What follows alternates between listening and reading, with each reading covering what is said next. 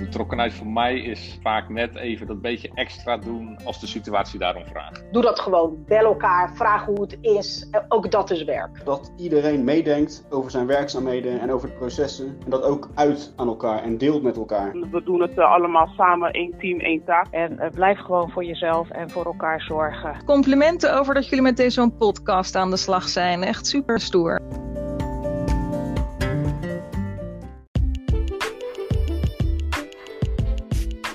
Welkom bij de podcast De Betrokken Dienstverlener. Ik ben Annemarie de Rotte. En ik ben Anne Boomsluiter. En in deze podcastserie gaan we op zoek naar de betrokken dienstverlener in onze collega's.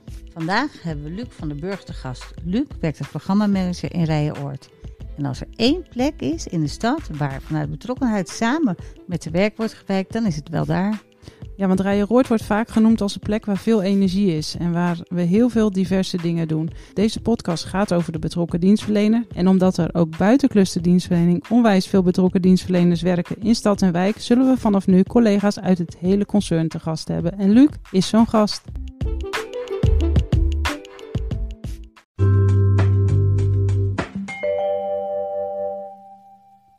Hoi Luc, welkom in deze podcast.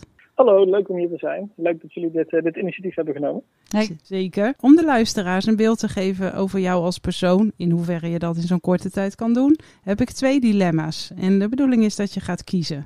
De eerste okay. is, en dit komt uit desk research wat we doen, dus ik hoop dat, je dit, uh, dat het lukt.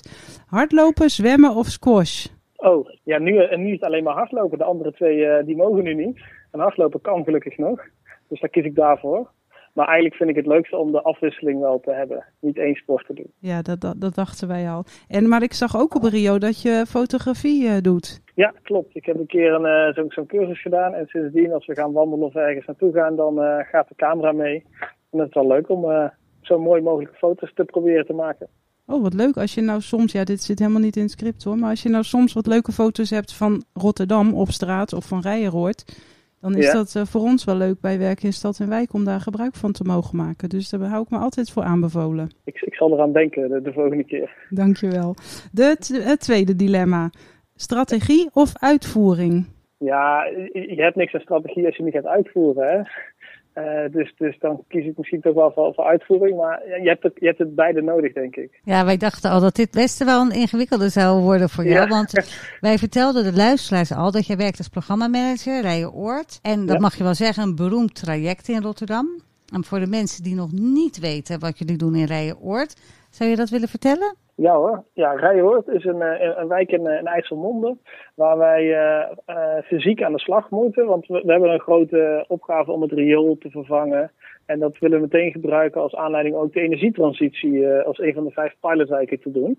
En we gebruiken dat weer eigenlijk als kans om te zeggen, nou, als we dan toch zo in die wijk aan de slag gaan, uh, dan zien we nog veel meer grote transities, vraagstukken waar we mee aan de slag kunnen gaan. En we zien kans om juist met bewoners uh, te kijken wat hun dromen zijn, wat hun wensen zijn. En daar samen met bewoners mee aan de slag te gaan. Dus we brengen die grote vraagstukken echt op wijkniveau. En we brengen die, die, die, die dromen van bewoners daarbij. En dan gaan we kijken wat eruit komt. En dat ja. doen we stap voor stap door gewoon dingen echt te doen. Ja, zo heel helemaal integraal, hè? Nou, eigenlijk vanuit de, de wijk alles bekeken. Klopt, klopt. Ja. Er zijn, uh, ja, zeg maar, intern betrekken we alle, alle clusters. Die zijn op een of andere manier in ons netwerk betrokken. Maar ook extern met de ondernemers, met uh, andere organisaties en met bewoners. Proberen we allemaal bij elkaar uh, voor die wijk te gaan. Nou, mooi. Nou, dat klinkt als een mooie aanpak. De afgelopen jaren hebben jullie ontzettend veel, ja, we mogen ook wel wij zeggen, toch? Wij werken ook bij deze. Ja, dat klinkt ja, gewoon zeker. veel lekker. Hebben we heel ja. veel gedaan in Rijeroord. Duurzaamheidswinkels, reiscafés, een beweging met bewoners in gang zetten. Van alle dingen die we hebben gedaan, zou je er eentje uit kunnen halen die je of altijd bij zal blijven, of waar je het effectje heeft verrast, of waar je heel trots op bent? Ja, eentje is, is moeilijk om te kiezen, maar eentje die, die oké, okay, als ik echt één moet kiezen, vond ik het uh, heel gaaf dat we ooit, uh, dat is nu ondertussen uh, anderhalf jaar geleden, was een stukje groen tussen twee basisscholen in, waar de vraag kwam, kun, kunnen jullie als gemeente daar iets van, van een speelgelegenheid voor zorgen voor, voor de kinderen van die basisscholen, maar ook dat er ruimte is voor buitenles te geven. En kunnen jullie dat gaan inrichten en regelen? En toen hebben wij gezegd, ja dat kan, maar we gaan het anders doen. En de kinderen mochten zelf een ontwerpje maken daarvoor, dat hebben ze gepresenteerd toen nog in Rotterdam in groepjes van de twee basisscholen. En we hebben daar alle mooie elementen uitgenomen, die, zeg maar, die, die het meest terugkwamen. En daar hebben we toen, uh, dat hebben we geregeld. Binnen een paar maanden stond het er, met vooral circulaire hergebruikte materialen. En precies volgens die wensen. En dan mochten de kinderen zelf bij de opening nog van alles en nog wat doen. En toen de dag voor de opening werden, werden kinderen geïnterviewd door Rijnmond.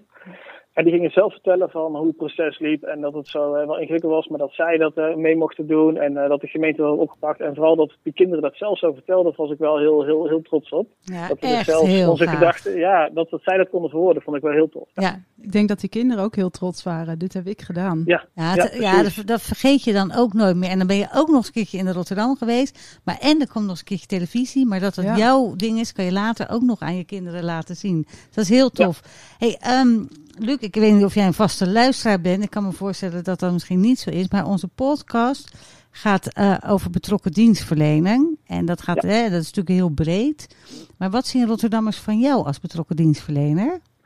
Nou, wat ik zelf wel eens van bewoners heb teruggehoord, is dat ik wel eens gewoon met ze in gesprek was gegaan. En gewoon eh, ik veel vragen ging stellen als ze iets wilden.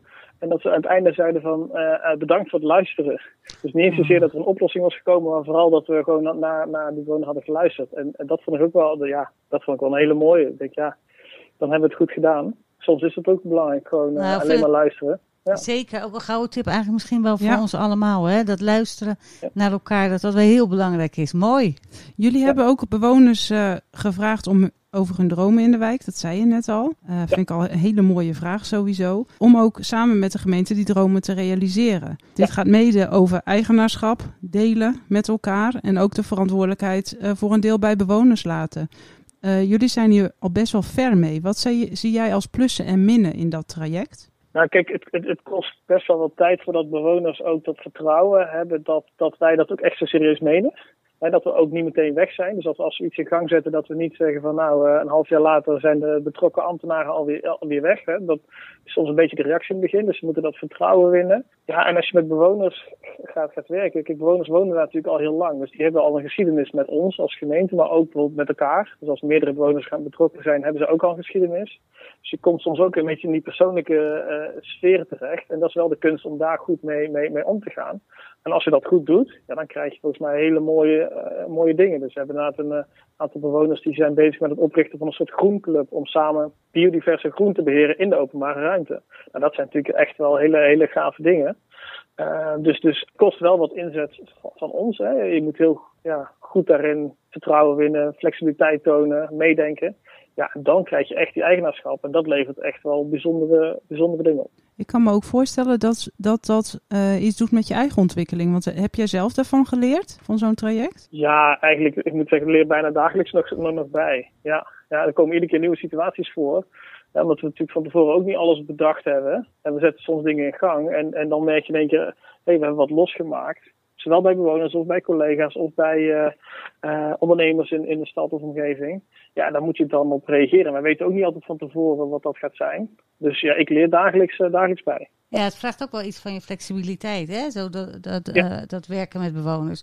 Um, we zitten alweer aan het einde van het interview. En voordat we naar het afsluiting gaan, laatste vraag. Wat zou jij nog kwijt willen aan onze luisteraars waarvan jij vindt dat iedereen dat zou moeten weten? Um, nou, een uitspraak die ik ooit gehoord, te horen heb gekregen was dat uh, ja zeggen is, vaak moeilijker dan nee zeggen. En daarmee is het zo van als je ja zegt uh, en je vindt iets een goed idee, dan ben je er ook van en dan moet je ook van alles en nog wat. En, en dan de reactie is om dan maar nee te zeggen. Nee, dat kan niet. Of we hebben, nee, we hebben geen geld. Of nee, dat mag niet. Want we hebben het allemaal al zo druk. Dus dan is dat een hele makkelijke uitweg.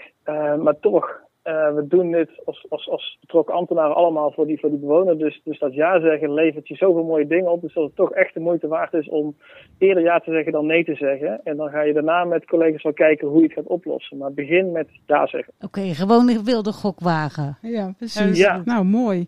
Luc, bedankt uh, voor dit interview. Ik vond het onwijs leuk dat jij als collega van Stadsbeheer, die zoveel in de wijken doet, dit interview met ons voor deze podcast willen doen. Uh, we houden de ontwikkelingen van jou en van Rijenroort uh, in de gaten. En uh, net in het voorgesprekje hebben we al met jou afgesproken dat Anne en ik bij je langskomen. Dus die afspraak staat. Onwijs bedankt voor dit interview. Dankjewel. Dankjewel hè. Oké, okay, hoi. Dag. Nou, ik ga snel de afspraak in Rijenroort voor ons inplannen. We hebben zin in. Ja, leuk. In de volgende podcast van de betrokken dienstverlener hebben we weer een gast. Die zijn of haar ervaringen met ons deelt. En wil je reageren? Mail dan naar de betrokken dienstverlener dv.rotterdam.nl of pak de telefoon en bel ons. Namens Anne en mij hartelijk dank voor het luisteren en tot de volgende keer bij de nieuwe podcast van de betrokken dienstverlener. Tot dan!